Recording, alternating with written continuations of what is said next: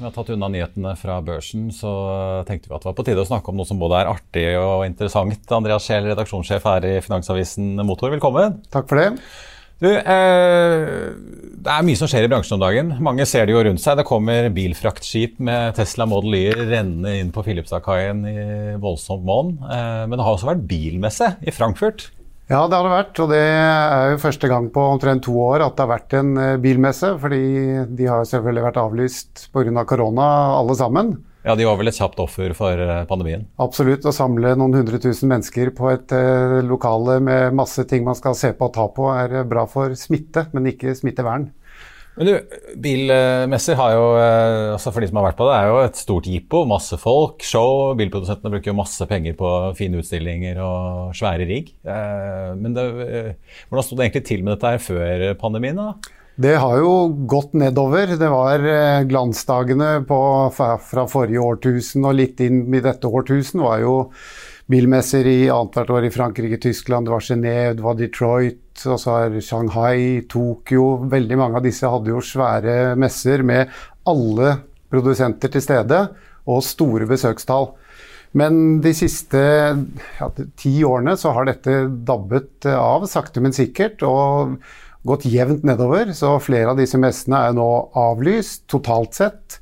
Eh, I Tyskland har de flyttet sin messe fra Frankfurt til München, hvor de nå avlyste i fjor, men hadde det nå i år for første gang. Men eh, besøkstallene er ikke kommet ennå, fordi det er ikke ferdig. Men eh, tallene er dramatisk ned i forhold til hvordan det var. Ja. Så det er, ikke, det er, kanskje litt som resten av reiselivsbransjen? Det blir ikke det samme, helt det samme? Nei, absolutt ikke. Og veldig mange, eller det er ikke alle produsentene som gang stiller opp alle messene. De velger ofte ut kanskje én eller to i nærområdet, eller Genéve som kalles nøytralt, eh, nøytral grunn. Mens eh, i München nå så er det ganske mange tyske, men eh, ikke så mange franske, ingen japanske. Så det er stort eh, fravær også, så man får fokusere på det som er der. I hvert fall, og Der har det jo allikevel vært en del spennende nyheter. Ja. Ja vi må snakke litt om det, altså, alle som, eh, som, vi snakket om, altså alle som ser seg rundt, sier at det er mange nye modeller på veiene. Men det kommer jo enda mer. Eh, før vi kaster oss over elbilene, skal vi snakke litt om hydrogen. For det er jo, eh, det er jo flere aksjer på Oslo Børs som folk er veldig interessert i, men det har jo ikke virket som hydrogen liksom tar av. Men nå er jammen meg BMW ute med en, en, ny, en, ny, konseptbil som går på hydrogen. Ja da, og det er den, ikke den første hydrogenbilen deres. De hadde jo for 10-15 år siden en del ombygde biler med altså de tradisjonelle drivlinjer som gikk på hydrogen i forbrenningskamrene. Det var ikke veldig effektivt, men det fungerte, så man prøvde det. Men uh, denne bilen har forbrenningsmotor, på samme måte som Toyota Mirai og Nexo, som jo også finnes. Men eh, det er jo morsomt for oss i bilbransjen å se at hypen for hydrogen og hydrogenaksjer har jo vært enorm. Mens i Norge så finnes det 150 hydrogenbiler, én stasjon du kan fylle hydrogen på. og det tar tid å få dette ut. Så hva som da skjer med disse børs- hydrogenaksjene når det virkelig begynner å brukes hydrogen, blir jo spennende å se da. Ja, for er det, vi har jo sett, altså Hundai har jo vært ute med noen hydrogenmodeller som de faktisk har solgt litt, men det er jo ikke store volumene. Altså Er det noen produsenter som virkelig satser stort, eller er det et litt sånn sideprosjekt? Eh, det er mange måter å se det på. Det er vel De fleste tenker at hydrogen er for det som skal frakte tungt og langt. For da slipper du dette med lading og slike ting. Du fyller jo en hydrogentank på noen minutter. Og Asko har et prosjekt i Trondheim hvor de fyller sine egne lastebiler med hydrogen og kjører det. Så taxier kan kanskje ha fordel av det, hvis de ikke skal stå og vente på kunder og lade mens de venter, men kjøre hele tiden.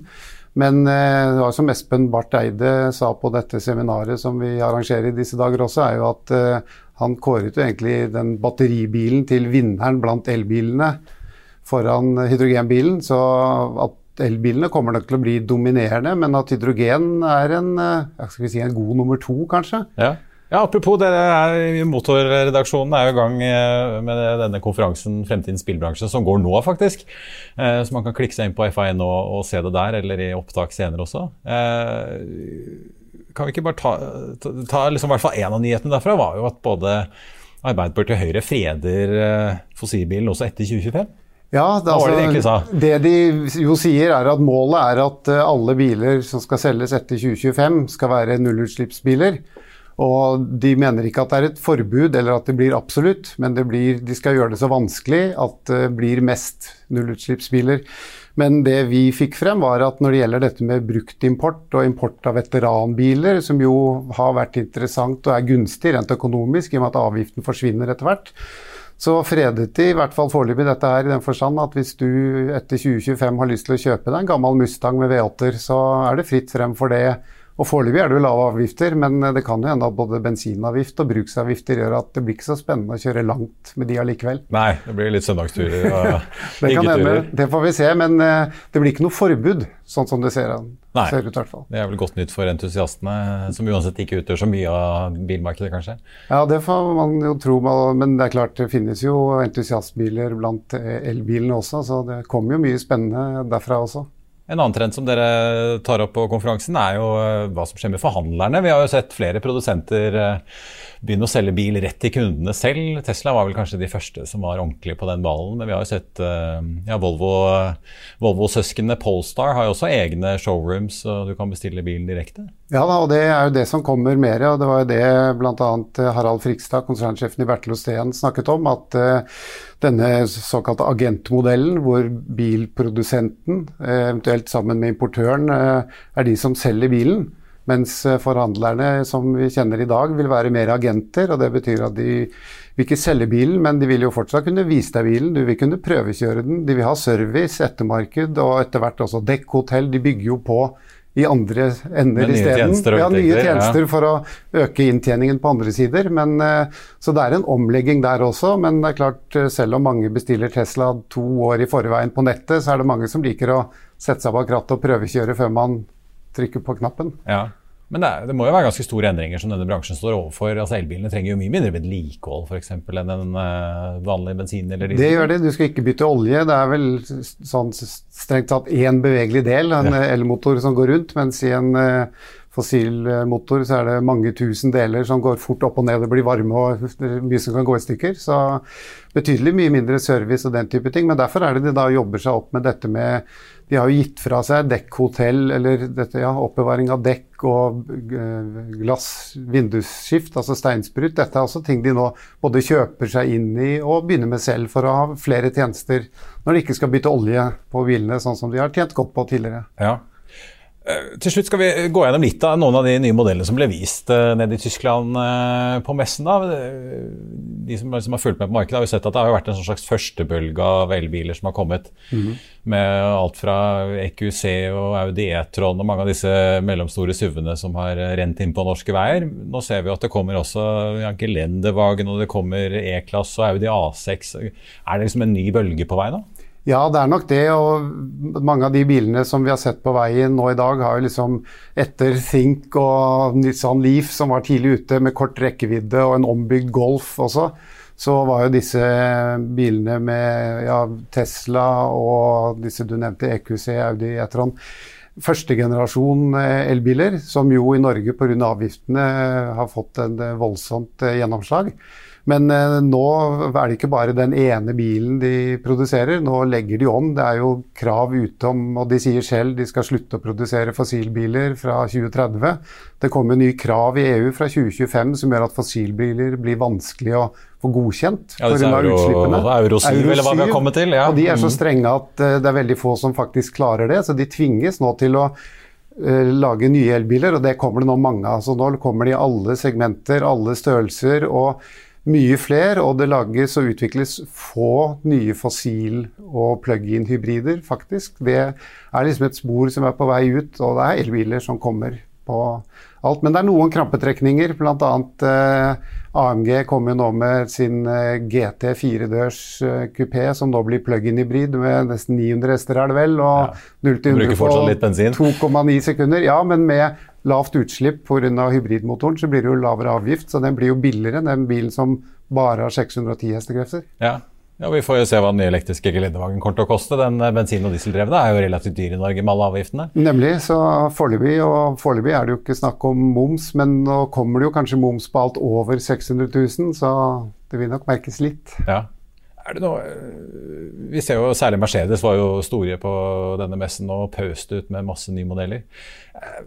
Men litt det du snakket om generasjoner her, er, det de, de modellene som kommer nå, om det er den elektriske S-klassen eller den nye E-klassen eller disse fra BMW og Audi og Renault og alle disse andre, er det store forbedringer nå fra typ den der første generasjons med EQC og E-tron og de første som kom? Ja, det er ikke noe revolusjon, men det utvikles jo hele tiden. Eh, noe av det som er viktig på elbiler, er jo luftmotstand, og der har de jo disse bilene glir jo gjennom luften som Mercedes sier at det er bare en pingvin i vannet som er bedre enn en EQS når det gjelder luftmotstand, og det betyr jo at du får lite motstand og du får lengre rekkevidde pga. det. Batteriene blir litt bedre, eh, motoren blir litt bedre.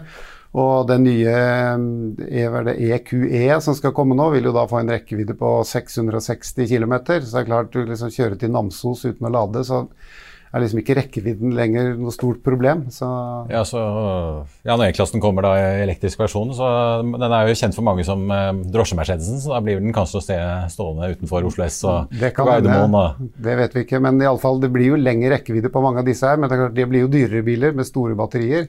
Så, men det kommer jo også andre biler med mindre batterier i flere klasser. og BMW har jo sin I4 og IX, så da kan du både ha en liten sånn sedan, eller en litt større eh, SUV med firehjulstrekk og større batteri, og høyere pris, selvfølgelig. Ja.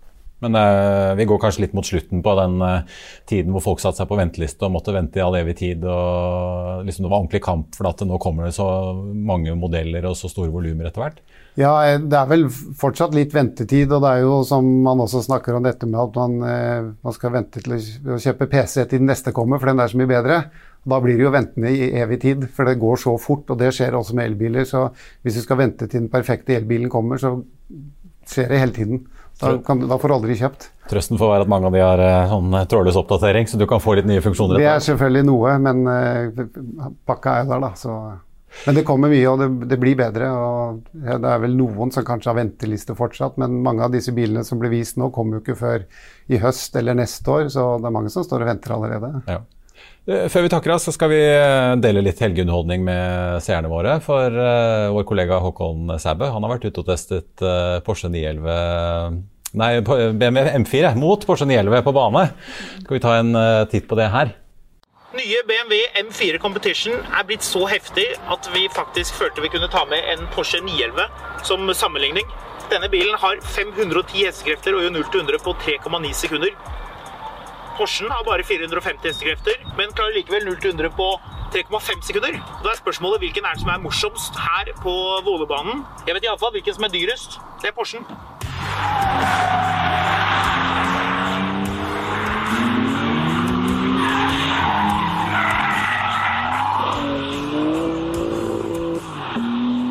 Jo definitivt en prisdifferanse her. BMW M4 Competition koster fra 1 240 000 kroner mens Porschen som vi har med, som er en Carrera S, den koster faktisk fra 1780.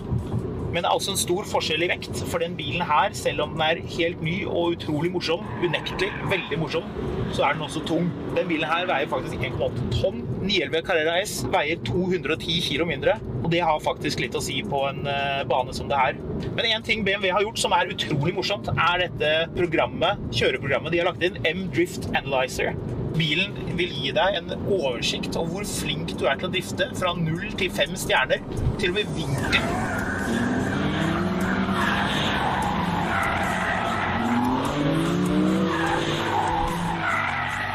Dette er jo skapt for folk som vil kjøre seg i hjel, selvfølgelig. Og definitivt ikke noe for vanlig vei.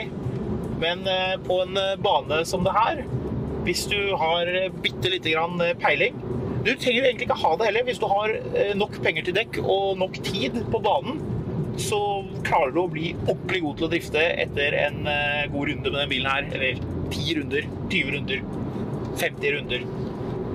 Til slutt blir du fryktelig god til å drifte i den bilen her, det er helt sikkert.